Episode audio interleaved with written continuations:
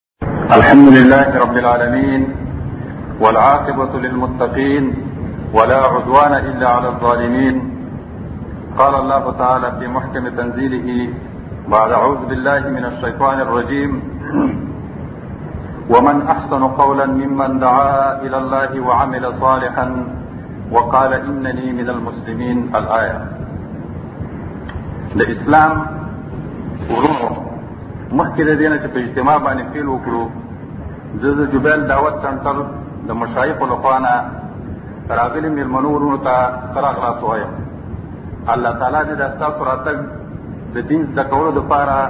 په ورځ د قیامت کې د حسناتو په تله کې حساب کړي د اسلام وروڼو د جبیل په دعوت سنټر کې د پښتو ژبې دا دوهمه دعوتي اصلاحي تربیتي اجتماع کېدونکې ده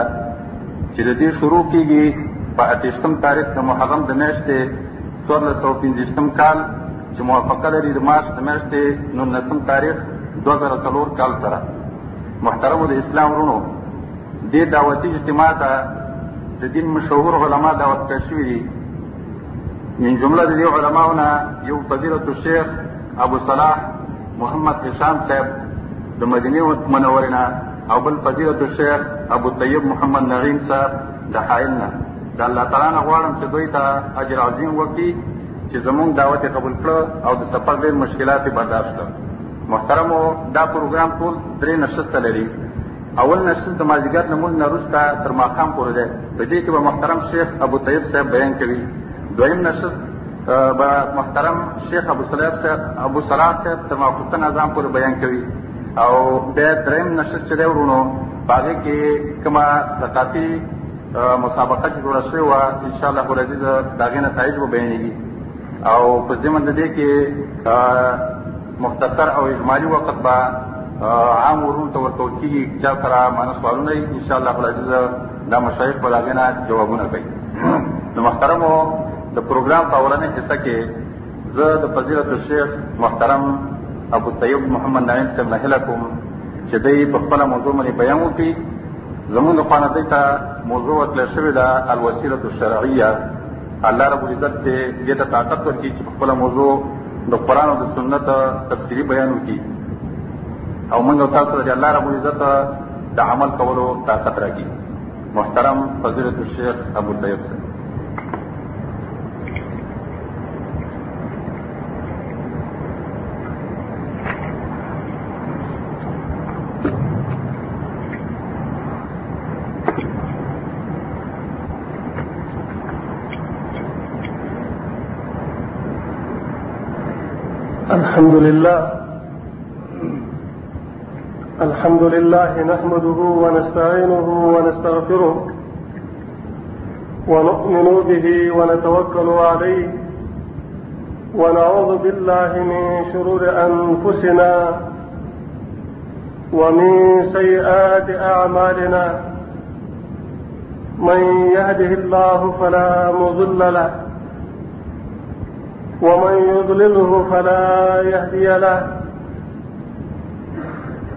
وأشهد أن لا إله إلا الله وحده لا شريك له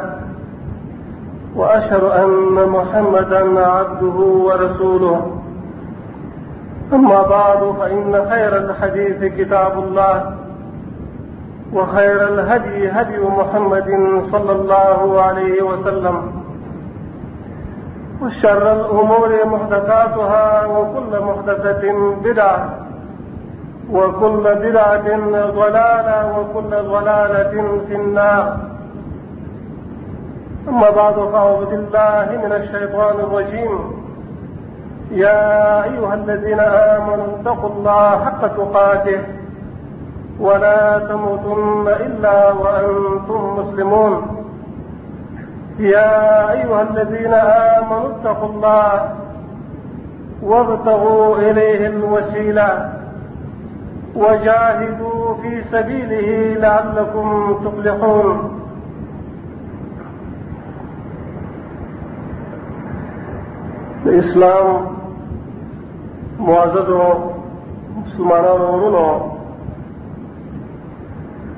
راولو د الله رب العالمین شکر ادا کوم په دې باندې چې موږ تاسو ته د دویم ځل لپاره توفیق راکړو د ملاقات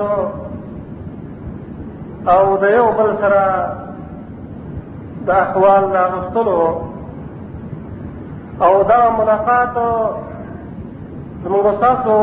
د دین په فکر کې موږ تاسو ته نصیب کړی د الله د حمد او د ثنا نه وروسته د ټولو هغه ورونو شکریا ادا کول غواړم چې کوم د مکتب و تواس ول جالیات جوبیر په اسلامي سنټر کې کار کوي او د دې اجتماع په ترتیبولو کې هغوی پوره حصه اخیستې الله دې هغوی ته اجر عظیم نصیب کړي او بیا هغه ورونه چې هغوی دې ځای ته تشریف راوړی په دې خاطر باندې چې د دین اسلام څه مسایل واوري او په خپل دین کې علم او بصیرت حاصل کړي او د دغه مقدس هدف لپاره قدمونه یې خیم الله دې هغوی ته اجر عظیم نصیب کړي عزتمندو وروڼو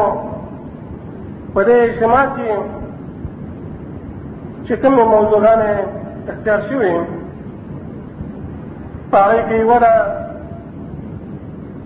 الوسیلة شرعیه معنا په دې کې به موږ تاسو ته پېژنو چې شرعي وسیله څه ده او خلکو څه ګڼه دی او موږ تاسو به کومه وسیله الله رب العالمین په دربار کې پیش کوو دا موضوع به موږ تاسو پیژنو لیکن په دغه موضوع کې دغه موضوع په ارتباط مختصر څلور خبرې یاد ساتئ ورونو چې په هغه باندې به بحث کیږي اول د وسیلې مفهوم او مقصد پیژندل په لغت کې په قرآن او سنت کې په شریعت کې چې کومه وسیله ده هغه څه ده د هغې مفهوم څه ده دویم خبره به په دې موضوع کې دا وي چې هغه وسیله چې کومه شرعي وسیله ده چې په هغه باندې په قرآن او سنت کې دلایل شته هغه وسیله چې د کوم وسیلې د پر الله رب العالمین د ټول انسانانو پیدائش کړه چې هغه سره تقرب او نزدېکت الله رب العالمین ته دا په دنیا کې د ټول انسانانو د ژوند هدف دی چې هغوی باید خپل ځان الله رب العالمین ته څه نږدې کړي هغه وسیله چې کوم ته شرعي وسیله وایي د هغې اقسام په هغه بحث کې درېمه خبره به په دې موضوع کې هغه وسیله چې کوم په قرآن او سنت کې کوم حقیقت نه لري الله رب العالمین په هغه باندې خفه کېږي هغه وسیله چې کوم حرام او ناروا ده او په خلکو کې د دې وجه نه رایې شوې ده چې هغه سره علم په قرآن او سنت باندې نشته په هغه باندې به بحث کېږي چې هغه ته ناروا او ناجائز غیر شرعي وسیله او آخري څلورم مطلب او مقصد هغه به په موضوع کې دی چې په آخر کې بعض شبهات او یا اعتراضونه چې هغه د خلکو په زړونو کې پراته دي او د دې لپاره چې د هغې په نتیجه کې هغوی هغه باطله او غلطه وسیله د الله رب العالمین په دربار کې پیش کړي دا غي جوابونه هم کیږي څه شبهات اعتراضات خلکو جوړ کړي دا غي په ان شاء الله جوابونه هم کیږي دا مختصر سمو خبره دا یا خاطر راځو اول مطلب لا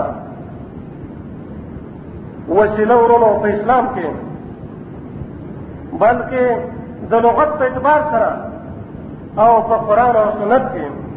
که موږ تاسو په غور سره سوچ او فکر وکړو قرآن او سنت مطالعه کړو نو د وسیلې مفهوم او مقصد هغه د لغت په اعتبار سره په قرآن او سنت کې هغه بالکل واحد یو دی باقي هیڅ فرق نشته دغه څه ته ویل کېږي وروره وسیله علما دا غي چې کوم جامع معنی تعریف نکړي اي فرمای التقرب الى المطلوب وتوسل اليه برغبه وسیله دې ته ویل کېږي چې انسان خپل ځان یو مقصد او مطلوب ته رسي چې هغه سره الله رب العالمین ته نزدېکت دا د هر یو مؤمن او مسلمان یو مسلم ده دا د هر یو مؤمن او مسلمان یو ارمان هم دی چې خپل رب ته نږدې شي لیکن الله ته نږدې کېدل په څه باندې سره د رغبت او مینې نه دې ته ویل کېږي ورونو وسیله معنی یې سره یعنی الله ته نږدې کېد سره د مینې او د محبت او د رغبت نه دې ته ویل کېږي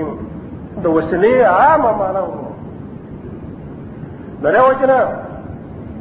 امام ابن عثیر رحمه الله آپ خپل کتاب کې د وسیلې تعریف کوي چې فرمایي الوسيلة القربة والواسطة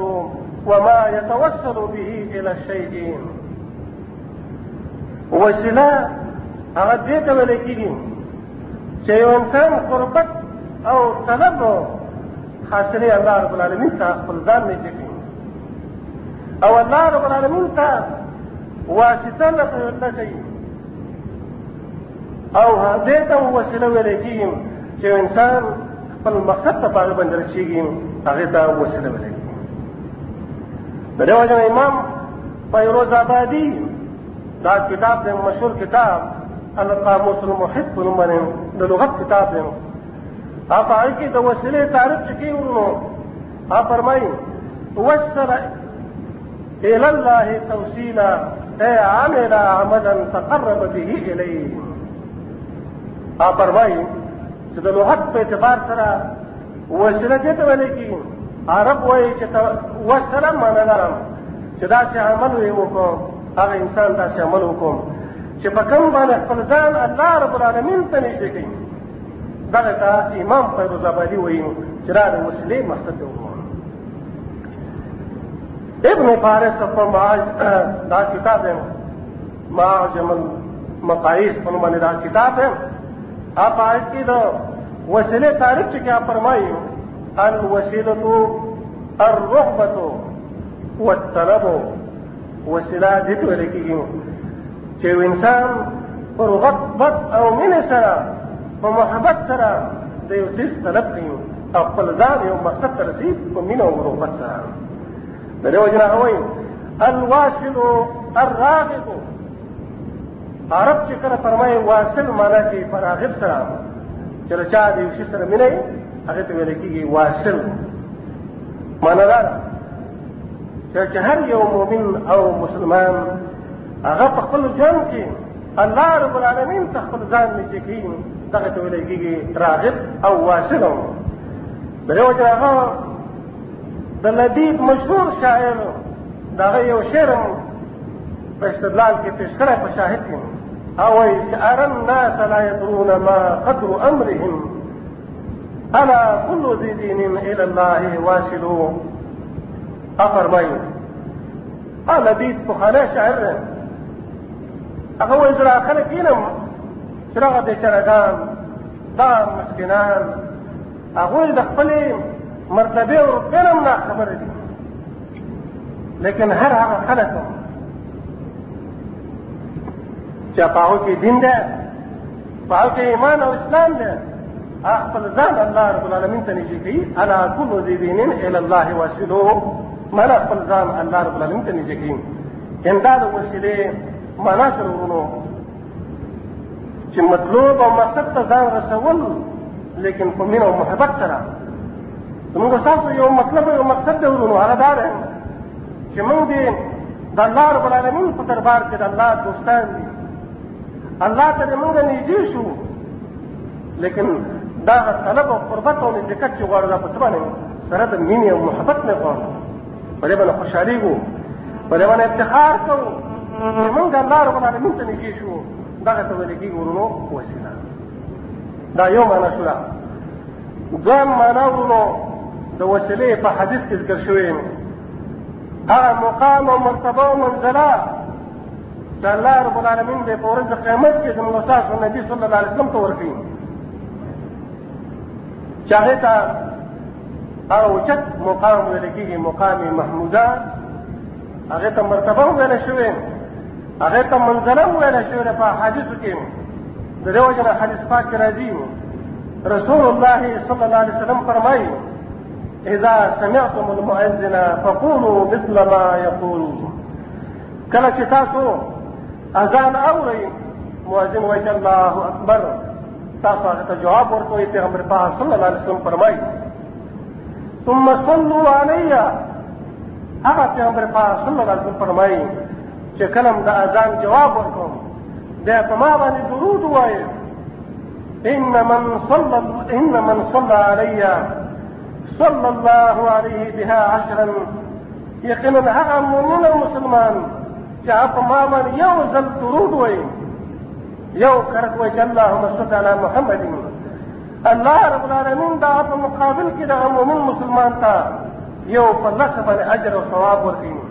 بیا په آخر کې پیغمبر پاک صلی الله علیه وسلم فرمایي ثم صلوا ثم صلوا الله لي الوسيله بیا زما لپاره هغه وسیله طلب کړئ انها منزله في الجنه رسول الله صلی الله علیه وسلم فرمایي چې دغه وسیله دا یو مقام او مرتبه ده په جنت کې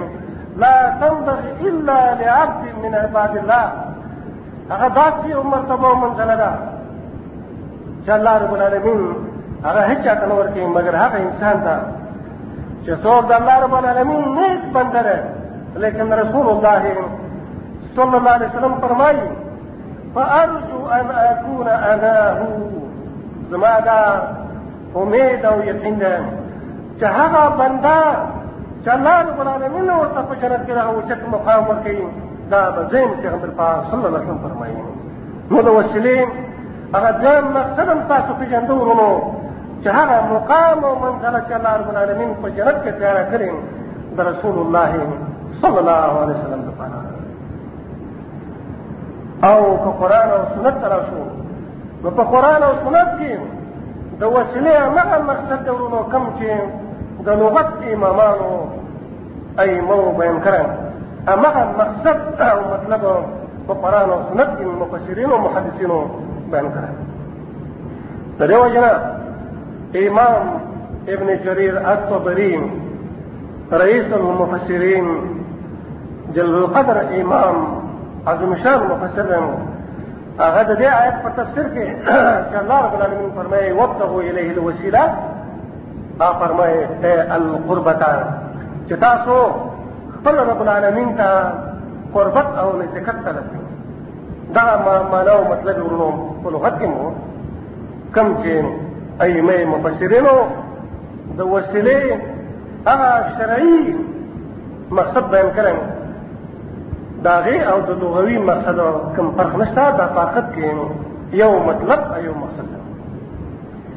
دویم مسله ما تاسو عرض کړې وه چې هغه وسیله چې کوم شرعي وسیله ده او د هغې اقسام ورو که موږ تاسو سوچ وکړو نو شرعي وسیله دا هغه وسیله ده چې الله رب العالمین دا د هر یو مؤمن او مسلمان نه غواړي نو تاسو د آدم علیه السلام نه نیولې زموږ استاد په آخري پیغمبر محمد صلی الله علیه وسلم پورې د ټولو خپل ځان الله رب العالمین ته نږدې کړی او الله رب العالمین ته په مختلفو احوالو کې حالاتو کې وسیله لټولې ده تر دې چې آدم علیه السلام هم وسیله لټولې ده خپل رب العالمین ته چې هغه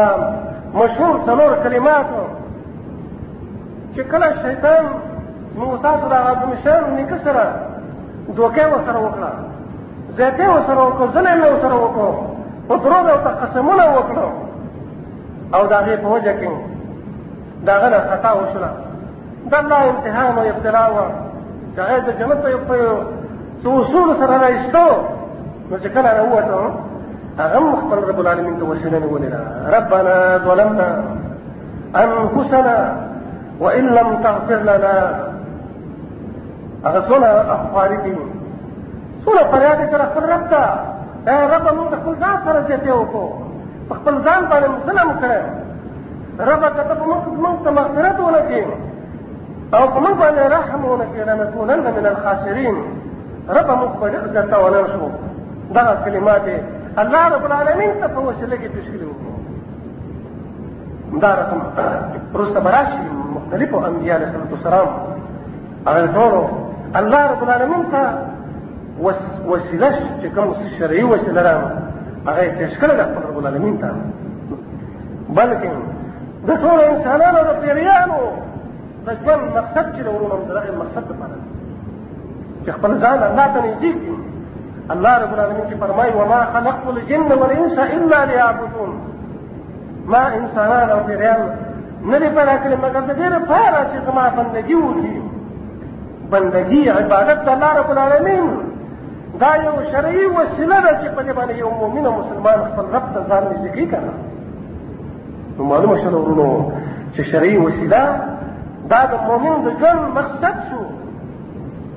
بده وجه ورونو هغه اقوا او هغه اشاعه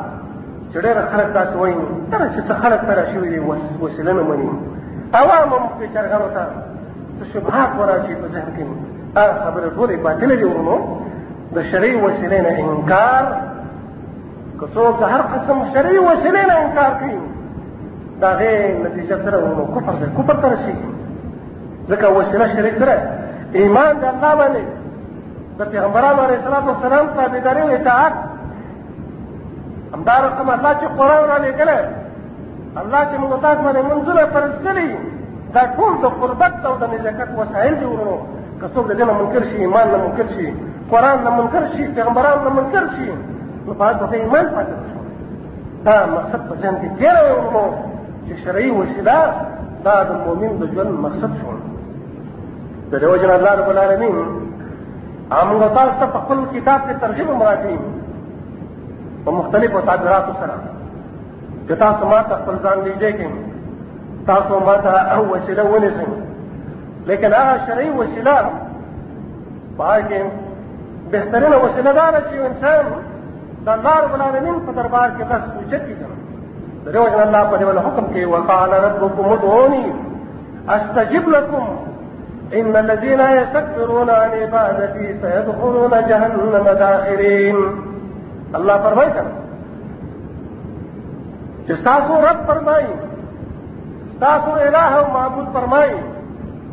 تاسو دوا وغواړئ زما نه ما ته دوا وکړئ لاس اوچت کړئ زما په دربار کې فریاد وکړئ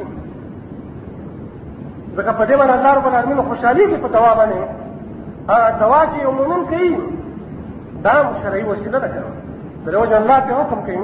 چې تاسو ما ته سوال کوئ ما نه غواړئ إن الذين يستكبرون عن عبادتي سيدخلون جهنم داخرين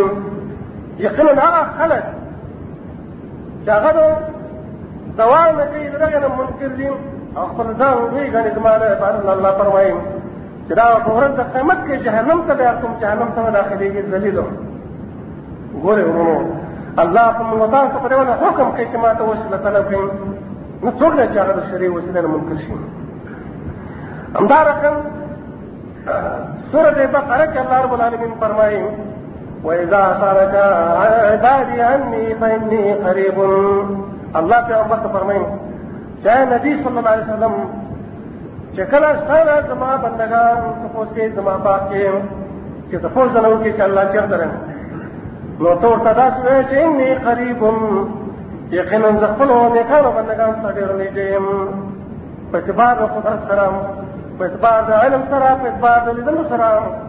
الله رب العالمین ډېر نږدې دی د روج نه صورت قاف کې چې الله رب العالمین فرمایي نحو اقرب الیه من حبل الورید الله فرمایي چې تاسو د مری درک هم ډېر نږدې یم دا د نش پرې باندې چې دوا کوله وسیله نه ولا الله تعالی دا الله رب العالمین په دې باندې ځکه خوشالي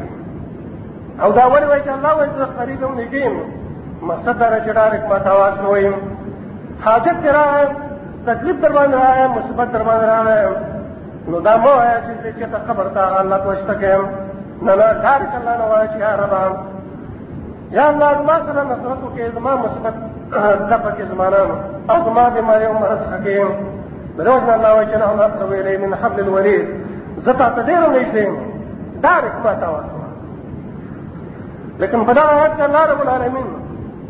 دوه قسم وسیلې هغه یې پیش کړې دوه شرطه چې څوک دا غواړي چې الله رب العالمین ته ځان نږدې کړي الله رب العالمین دا سوال قبول کړي دوه کار چې الله وایي وکړي یو دا فليستجيبوا لي وليؤمنوا بي پس ما خبر جو منیم الله و ازما چې کوم حکم دی ما قران نازل کړم زما اطاعت وکړي او په ما د ایمان ساتي لعلهم يرشدون وګوره چې موږ تاسو د ټولو مؤمنانو دار باندې چې موږ تاسو په صحیح ایمان اسلام او هدایت باندې دا هر یو مؤمن مقصد ده لیکن الله رب العالمین موږ تاسو ته پتر کې وخورم چې ته غواړې چې په هدایت باندې شې او ته غواړې چې الله یو نیک بنده شو الله ته ډېر نږدې شې دا څه کار کوي چې الله رب العالمین استجابت کوي دا هر حکم چې هغه منا او الله باندې ایمان ساتان نو الله برا په مقابل کې تاسو سره نصیب کی رشد او هدایت ګوره وسله راته خو نه دا سره ورونو دوا په دې باندې قران بشمار آیاتونه دي چې ترغیب ورکړه ته تو وسیله دا شرعي وسیله ده لیکن هغه شرعي وسیله چې کوم تاسو په قرآن او سنت کې سوچ فکر وکړو غور وکړو او تدبر نه کار واخلو هغه شرعي وسیله هغه درې قسمه ده چې کوم د قرآن او سنت نه معلومېږي ورونو او چې تفصیل سره موږ تاسو هغه بیانوو نو پنځو اقسامو ته رسېږي یو قسم شرعي وسیله ورونو هغه دا ده چې انسان الله رب العالمین ته الله پاک نمونه او صفتونه څخه واسطه کوي یو مقصد دی د الله رب العالمین خسته خسته نمونه دي صفات دي هغه الله ته واسطه کوي یو قسم وسیله ده د الله پاک نمونه او صفاتونه باندې لکه ستا یو حاجت دی داسې وایه که یو مسلمان دی یو مؤمن دی داسې وایي لکه اللهم اني اسالک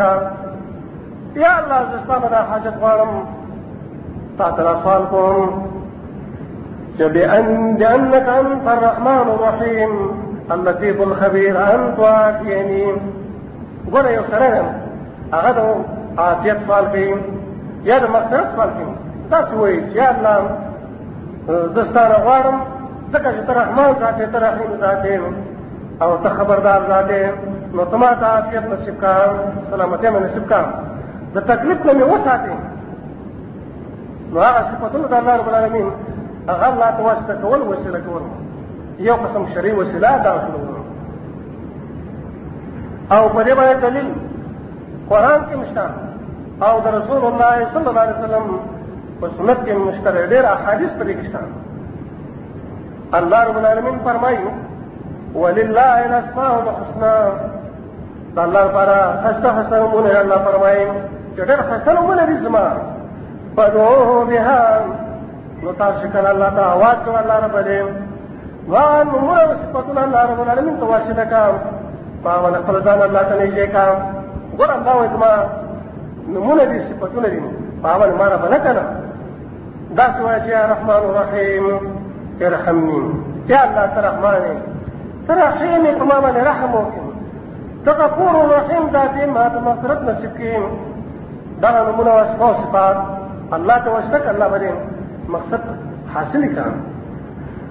او رستا الله رب العالمین فرمایي وذروا الذين يلحدون في اسمائه او پرېدا کسان چې هغه الله رب العالمین په نومونو صفاتونو کې څنګه الحاد کوي کجري وکړي څه خلکو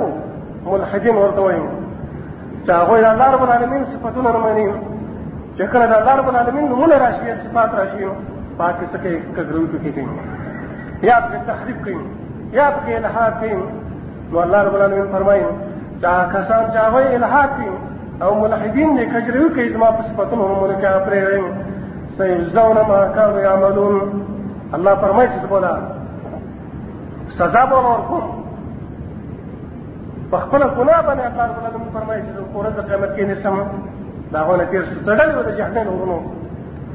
د الله رب العالمین دا ټول صفاتونه دای نه پکلو هر هغه صفت چې الله رب العالمین د خپل ځان پر ثابت کړی یا رسول الله صلی الله علیه وسلم د الله پر ثابت کړو هغه ټول نفي کړو تر دې چې الله رب العالمین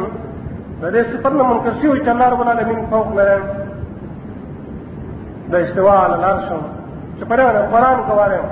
او د ټول اهل سنت والجماعت اجماعي او اتفاقي مسله ده چې الله رب العالمین په اعتبار ذات سره پوغلم دا هر منکر شو نو الله رب العالمین فرمایي چې څوک زما په صفاتونو کې ونمونه کې تحریف کوي هغه پرېږدي د هغې خبره مه منئ نو دا یو دلیل شو ورونو چې الله ته وسیله نه څه په څه باندې په اسماء او صفاتو د الله باندې همدا رقم یو نذیر انبیاء حضرت سلیمان علیه السلام وګوره څونه جت خیر نبی له الله ته دومره حکومت ورکړو او داسې بادشاہي ورته ورکړو چې بعد ورته پکړو دا حکومت او تخت هغه په پاوا باندې چلیدو د سار په ټیم کې د ساخ په ټیم کې هغه به دومره مزل کوو چې هغه به نورو خلق په یو میاشت کې مزل نشي کولی لیکن سلیمان علیه السلام هغه به په ډېر معمولي وخت کې د یو میاشت مزل هغه به د سهار په ټایم کې کوو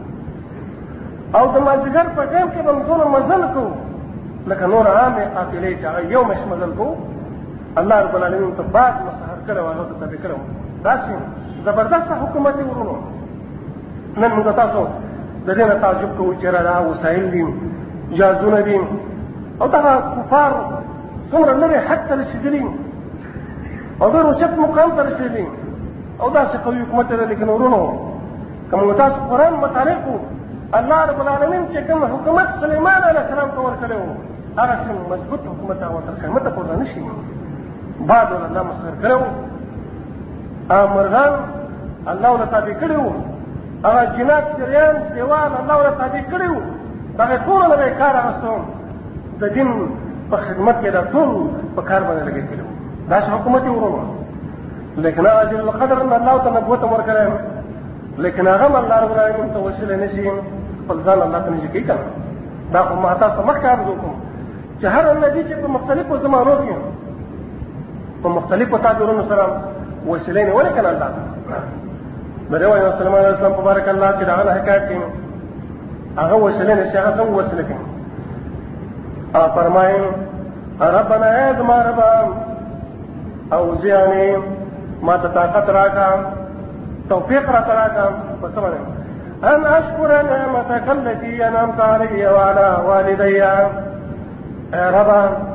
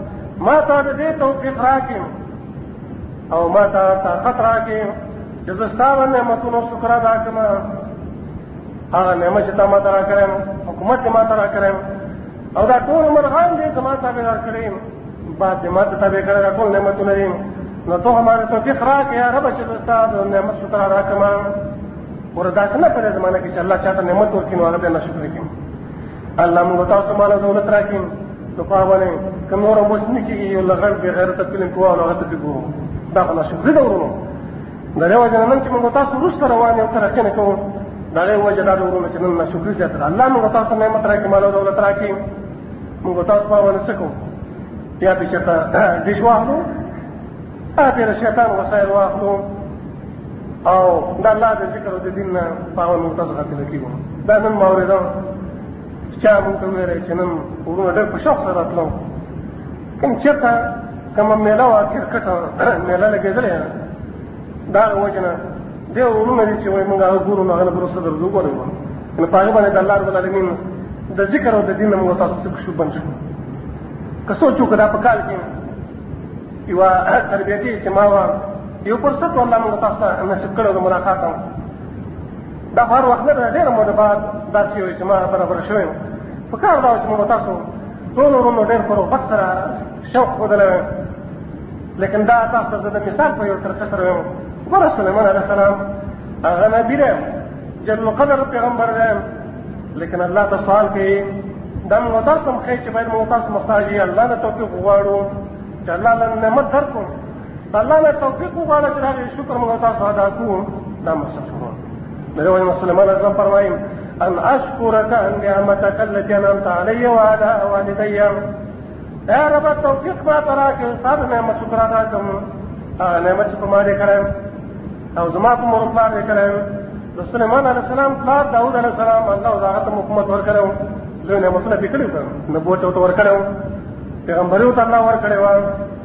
واه د الله نه توفیق غواړي چې رب ما توفیق راکړي شکر ادا کوم ګوره د شکر رښتل ورونو دا ده یو قسم وسیله ده په دې باندې الله ته انسان نه ځکي ته موږ تاسو دا کوم نعمتونه چې الله موږ تاسو راکړي دا غیا شکر ادا کو شکر ادا کو نو موږ تاسو ژوند په خسته کېږي قبر مو خسته آخرت مو خسته ما مخ تاسو عرض وکړ چې الله چاته مال ورکړي هغه په دې ځای باندې لګي چې الله په غوسه کېږي پکار دار چې قرآن ځای کې ولرو د الله د دین خدمت پرې وکړو د خپل مور پلار د والدینو سره څه وکړو احسان وکړو په هغه باندې خرچ وکړو ډېر داسې ژوند ته راشي څه مال وګټي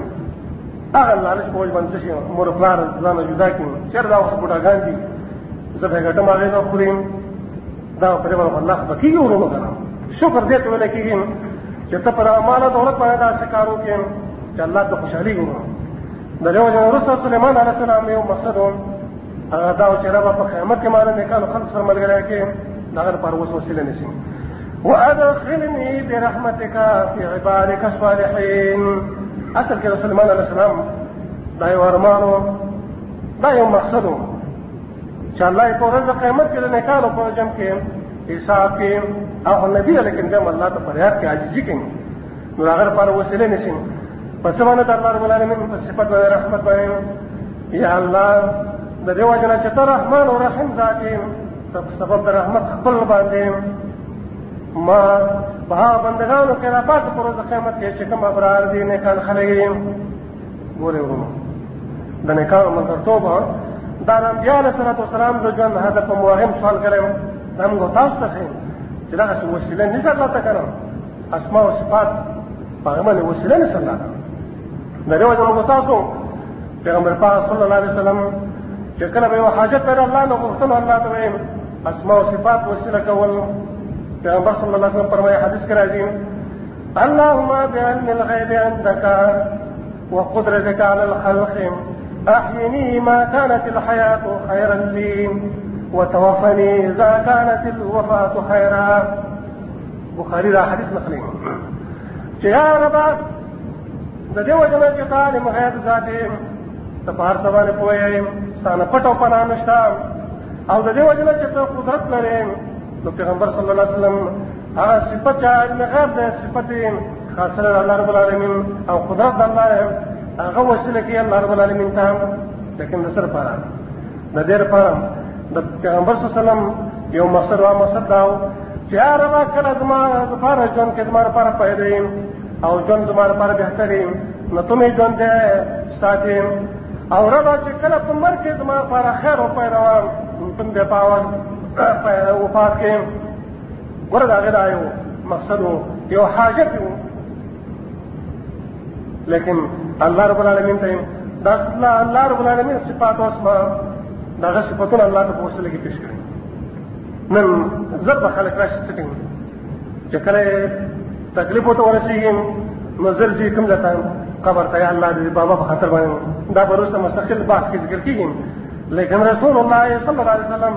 موږ تاسو ته شرعي وسیله هغه بیان کړی ده اسماء او صفات د الله رب العالمین په هغه باندې وسیله نیول همدارا په بل حدیث کې راځي رسول الله صلی الله علیه وسلم فرمایي یا حی یا قیوم برحمتک استغیث ګورم رسول الله صلی الله علیه وسلم د الله نه امداد غواړي چې الله یې د مصیبتونو محفوظ وساتي لیکن یو صفت د الله رب العالمین چې رحمت ده د صفت د الله هغه په وسیله کې پیش کړي یا حی یا قیوم یا ذات چې په تاوان مرګ نه راځي او په تاوان خوب نه راځي حی هغه څه ویل کېږي چې هغه ټول عیوب نه پاکي باور پناه نه راځي مرګ نه راځي او نه پېن نو اخس راځي خوب هم نه راځي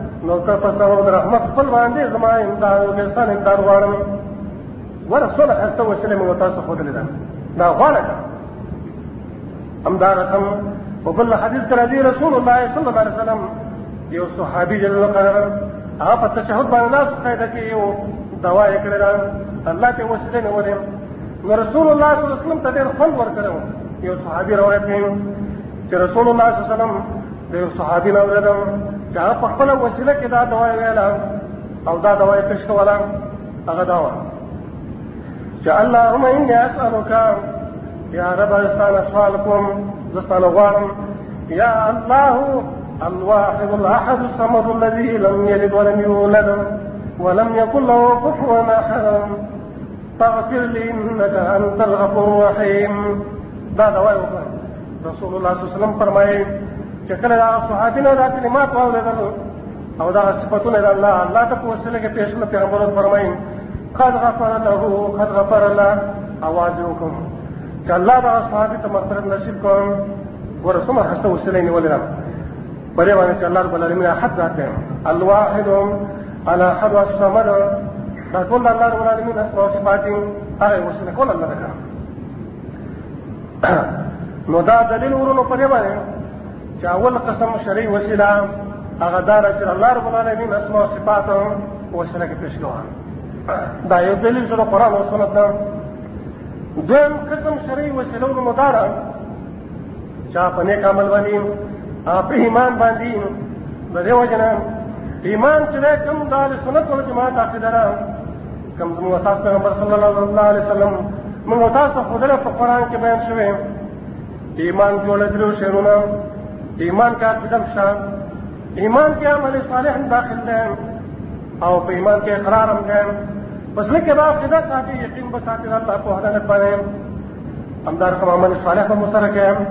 او اقرار به کوي پر جمع باندې چې لا اله الا الله محمد رسول الله دا وایي دا د دې وجه نه ایمان او نیک عمل باندې وسیله نه ولو بلکې په ټول هرات بهترین قسم وسیله ده چې انسان څوک ورونو چې د الله رب العالمین په دربار کې خپل عمل صالح پیش کړي ایمان پیش کړي او خدای الله رب العالمین نه هغه تکلیف او مصیبت چې په تا باندې راغلی یم د هغې دفع وغواړې د هغې نه حفاظت وغواړې په څه باندې په عمل صالح باندې لکه یو مسلمان یو مؤمن وایي الله رب ایمان بک وحب لك واتباع رسولك ان تغفر لي دا شوایه یا رب د دې وجه زه په تا باندې ایمان لرم او ستا سره زما محبت هم دی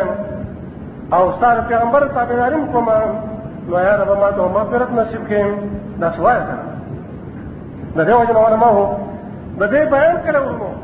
چې په ټولو اقسامو د شرعي وسیله کې بهترین قسم وسیله ده چې کم په نیک عمل باندې انسان نشي نیک عمل الله رب العالمین ته وسیله کوي یا دا ده مونږ خیر ډېر په تقوا سره او سو سره عاجزي سره د قرآن تلاوت کوي او جنې سره انفاق ورکوي همدا رقم صدقات ورکوي او الله رب العالمین ته پیش کوي او یا دا ده چې کله در باندې تکلیف راشي مصیبت در باندې راشي نو هغه عمل صالحه نیک عمل چاته الله رب العالمین درزار پاره کړی او څنګه کړو دا چې یو کار دی که نه چې په هغه کې د الله رب العالمین نه تېرېدلی او د الله د رضا لپاره کله هغه په دوا کې ذکر کړه الله رب العالمین به ستا مشکل حل کړي د دې وجه نه الله رب العالمین چې فرمایي سورۃ آل عمران کې البته نیکان خلک دي او نیکان څوک د انبیاء علیه السلام یا نور صالحین خلک دا غي په صفت کې الله رب العالمین فرمایي ربنا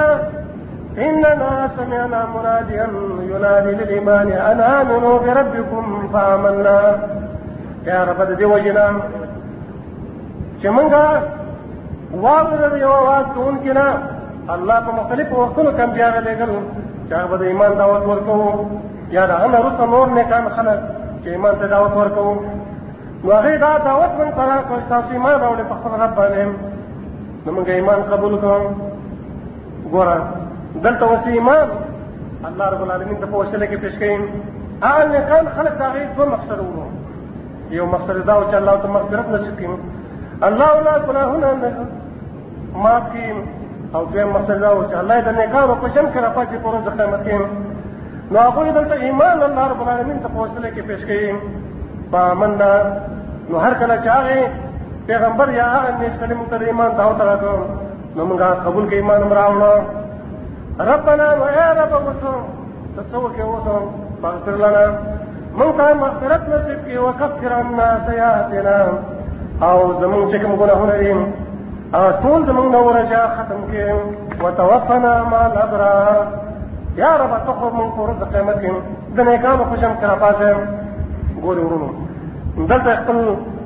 نیک عمل چا سره ایمان ده هغه الله رب العالمین په وسیله کې پیش کوم دا موږ تاسو هم چل خې کړو تکلیف در باندې راځي دا غواړي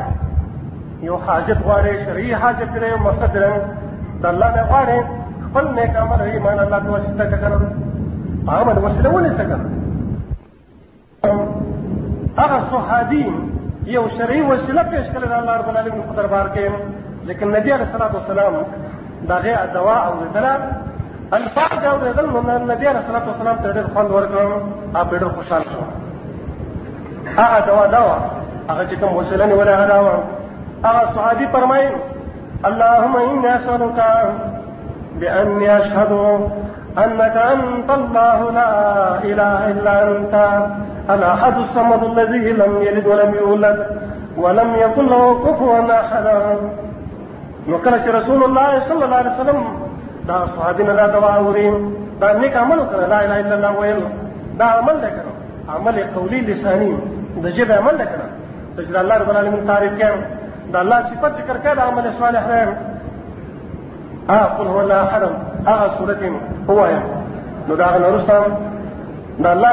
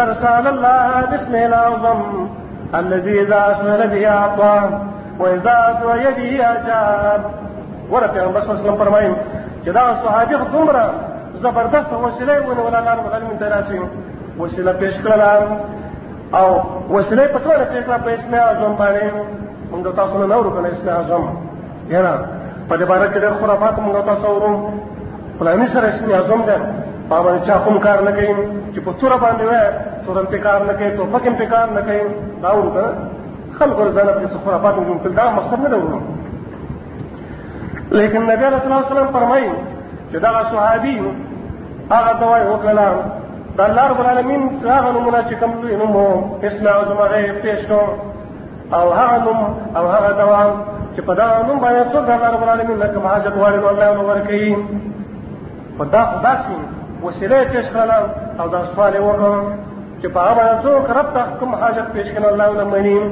و اذا دعا به اجاب او چې څوک پر دوا باندې دوا کرا دوا کوي نو الله رب العالمین دا دوا قبلې ګوره ورو ما تاسو عرض کو چې دیم قسم شرعي وسیله وا په عمل صالح باندې په نیک عمل باندې دا باید د هر یو مؤمن یو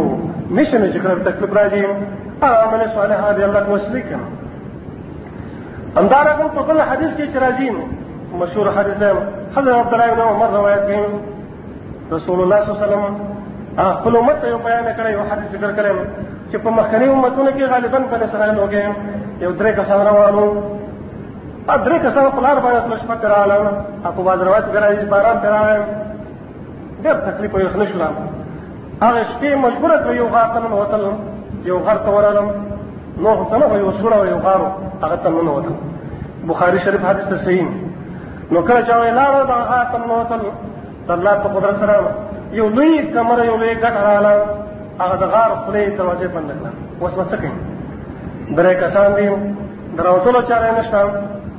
کدا زمانه ده کنه ده په دې زمانه کې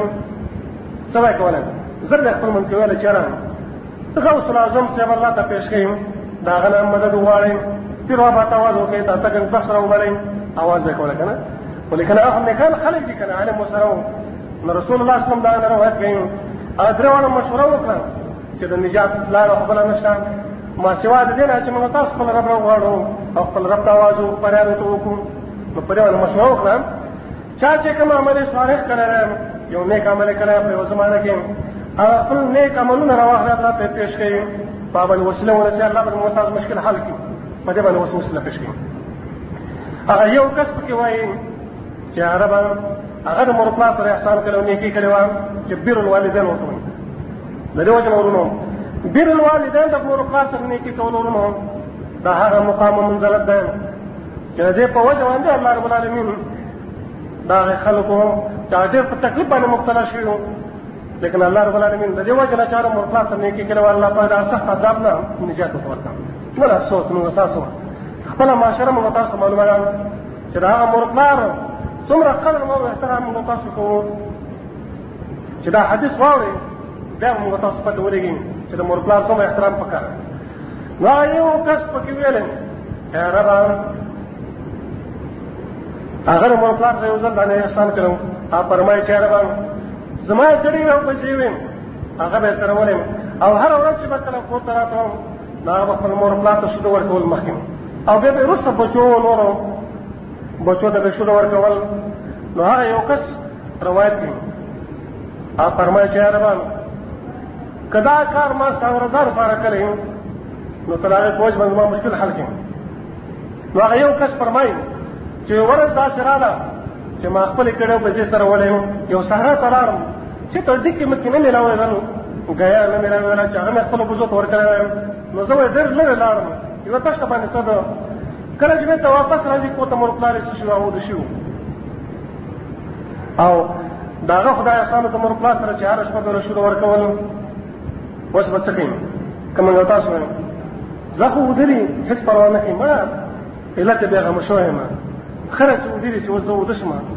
لکه هغه وایي نه نه کله چې هغه ودشي او په یو روایت کې راځي چې را بچیو د ډېر ولګېدل اسم د د په خپل کړه غړېدل د شودل شلې دي هغه شوده د دې لپاره چې مور پلار ته ورګي هغه چې ولې په یو لوخه کې چې مور پلار ته ورګي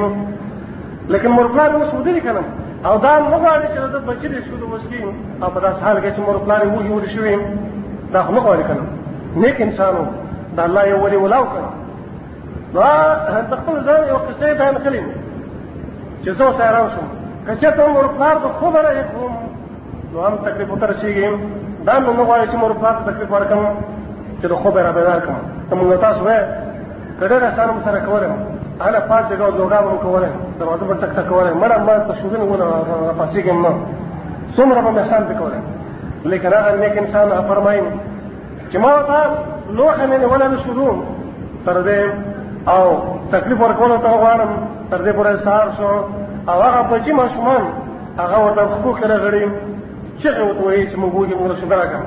لیکن هغه وایي تاسو چې یو وخت مور په هغه راځو هغه شروع ورکین دا غل روسه د خپل بچی ته شروع ورکین نو الله رب العالمین په دربار کې لاس وچته یې چې عربان کدا من مثال رضا فارکله او تاسو مشکل حل کین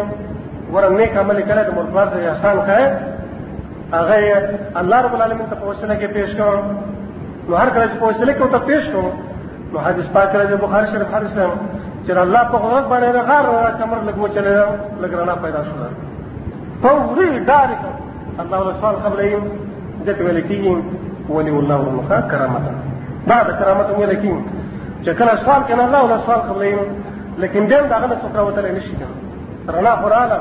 څه چاو پیدا شو څه امید پیدا شو د نجات هم لیکن بیا هم وتلی نه شي دویم کس پکې فرمایي چې عربه هغه یو داسې عمل کړی چې د ګناه نه ځان ساتلی و د الله نه یېرېدلی و هغه فرمایي د خپل ځان یو حالت ذکر کړی و هغه فرمایي چې زما د کاکا لور د تره لورې وه د هغه سره یې ډېره مینه محبت پیدا شوي وو هغه فرمایي چې په مخ د ځمکه باندې دا وره مینه چې زما راغې د تر نور سره وه دومره مینه مې د چا سره نه وه هغه فرمایي چې ډېر کله چې ما د هغه مطالبه کړې وه د بدکارۍ لیکن هغه چې نه هغه نیکه چې نه وه د الله نه هېرېدونکې وه د ده خبره نه ومنله هغه فرمایي چې یو ځل داسې وخت را یو کال راغی دا سړی ډېر مالدار و یو خاص راغی د سره درځه درځه ته مې لګېرم چا سره پیسې هم ختمې شولې هغه جنې راغله ورته وایي ته زما رشتهدار یم زما د تره زوی یم نو زموږ سره احسان وکړه نو هغه فرمایي چې ما ورته یو سلو شل دیناره یو سلو شل اشرفۍ دا مو ورکړې لیکن شرط مې پکې وغواړم چې ته به زما حاجت پوره کړې بدکارۍ اراده کړې وه نو حدیث کې راځي سره فرمایي چې تر دې حد ته موږ ورسېدو چې زه په ګناه باندې قادر شوم او دا مې کوله شو چې بدکاري مې کړې ده د کلا جنې ما تواز کې یو پریاد وکم ا فرمایي چې دا الله بنده د الله نو ویریږه او پر دې حق مو پیمانه و د الله نو ویریږه دا سره فرمایي چې زما په ځکه یو خو پیدا شو خو پیدا شو او ټوک مې وکړ نه غهان اواز مې وکړ هغه یو څو شل دینار هغه مو تمام کړ او دا په کار نه درو ساتم نو دا الله په دربار کې لاس وجب کوي یا رب کدا د ګنا نه دا ځان استاد یې د وجه ساتلې او دا کار نه سره پاره کړم نو تاسو ما مشکل حل کړم حدیث پاک راځي چې هغه ته نور او وجه نه دلم فوري ورته نه کار خلق سبحان الله رب العالمین فوري خدلې دته ولکه کرامت نو مسافر ولې ماته چې کرامت او کرام حق لرم لیکن خلق ورپسوسم په هر شي کې خلکو دومره خرافات او دروغ جوړ کړي چې د ځانه څه بیا څه کوي لیکن کوم چې حق کرامت دی هغه تاسو ټول منو پرې باندې ایمان لرو چې الله رب العالمین په مختلفو وختونو کې د څه خلق او دی ولاونه یو کرامت ساتري نو حدیث کراځي چې هغه ته نور وچل درنه نه زیات شو لیکن دیم چې موږ وته له نو شو ادرم کسو هغه وایي چې ما مزدوران ساتلي وو دا مزدورانو ډېر آباد سړی و مالدار وایي ما ډېر مزدوران راوستلي وو یو لس پنځلس مزدوران وو چې کله هغوی مزدوري وکړله نو هغه مزدورانو مې خپل حق ورکړ لیکن یو مزدور وم چې هغه بس خپل حق ونه اخیسته لاړو یا ته ناوخته شو خو خپل حق دې سړي ته پرېښی وم نو څه موده تېره شوه چې هغه سړي ضرورت راغی چا چې مزدوري کړې وه څه پیسو ته ضرورت راغی نو هغه راځي دغه سړي ته فرمایي چا سره چې مزدوري کړې وه که نه ټکدار ورته وایم هغه وایه ټکداران ما تا سره یو ورځ مزدوري کړې که ستا یاد شي هغه مزدوري ما له راکړي نو کله چې هغه مزدور لاړو نو دغه سړي په زړه کې خوب پیدا شو چې دا خو د پلاني حق و ما سره مزدوري کړې وه نو هغه پیسې ولا راواغسلې په هغه تجارت وکړ حدیث کې راځي چې په هغه ورګړې پیسې واغسلې او په هغه ډول پښتون وکړل تر دې چې ډېر میګه ته جوړ شول ډېر ګړې بځې ډېر مالونه او څاروي ته جوړ شو څومره بادشاہ مزدور راځي د خپل مزدوري طلب وکړ هغه ورته دا څومره چې مار دولت نه داخل سره زړه اخلا ځان هغه ورته فرمایي چې ما پر شخن مو مړه دوخره پوره کړ د الله باندې ما تاسو مزدوري کړې او ته ما پر شخن وې زه تر سم کوه او ته وایې الله بنده دا سامان او ستا یو ورځ مزدوري ما سره کړې وه په هغه مې ستا لپاره تجارت کړم او دا ټول ستا حق دی زه بیا وه چې کله پته ته ونه کړه چې دا سره رښتیا صحیح خبره کوي هغه ټول مال دولت روان کړم نو هغه سره الله رب العالمین په دربار کې لاس وچتې چې عربان کله دا مزدور سره ما راځه ستا ستا رضا لپاره کړې نو زما مشکل حل کړم نو پوریم هغه ټول لرسو هغه خلاص زر سره وکړ دا زمانہ په دې زمانہ کې څومره شکایتونه موږ تاسو کوم بعض ورونه موږ ته وایي چې را مزدوري وکړو بلکې د خپل جبه پیسې ولګو چې کله وخت راشه پیسې موږ ته نه ملاويږي څومره ظلم زه کړم لکه دا زمانه کا سره هغه د مزدور حق نه ولو لکه دا په مقابل کې را په مال تجارت کې او د یو ورځ مزدوري نه په لکاو دینار او شرپې هغه له جوړه ځای ولا ورته راځه په دویم قسم وسیله شرعي ورونو ما تاسو ویلو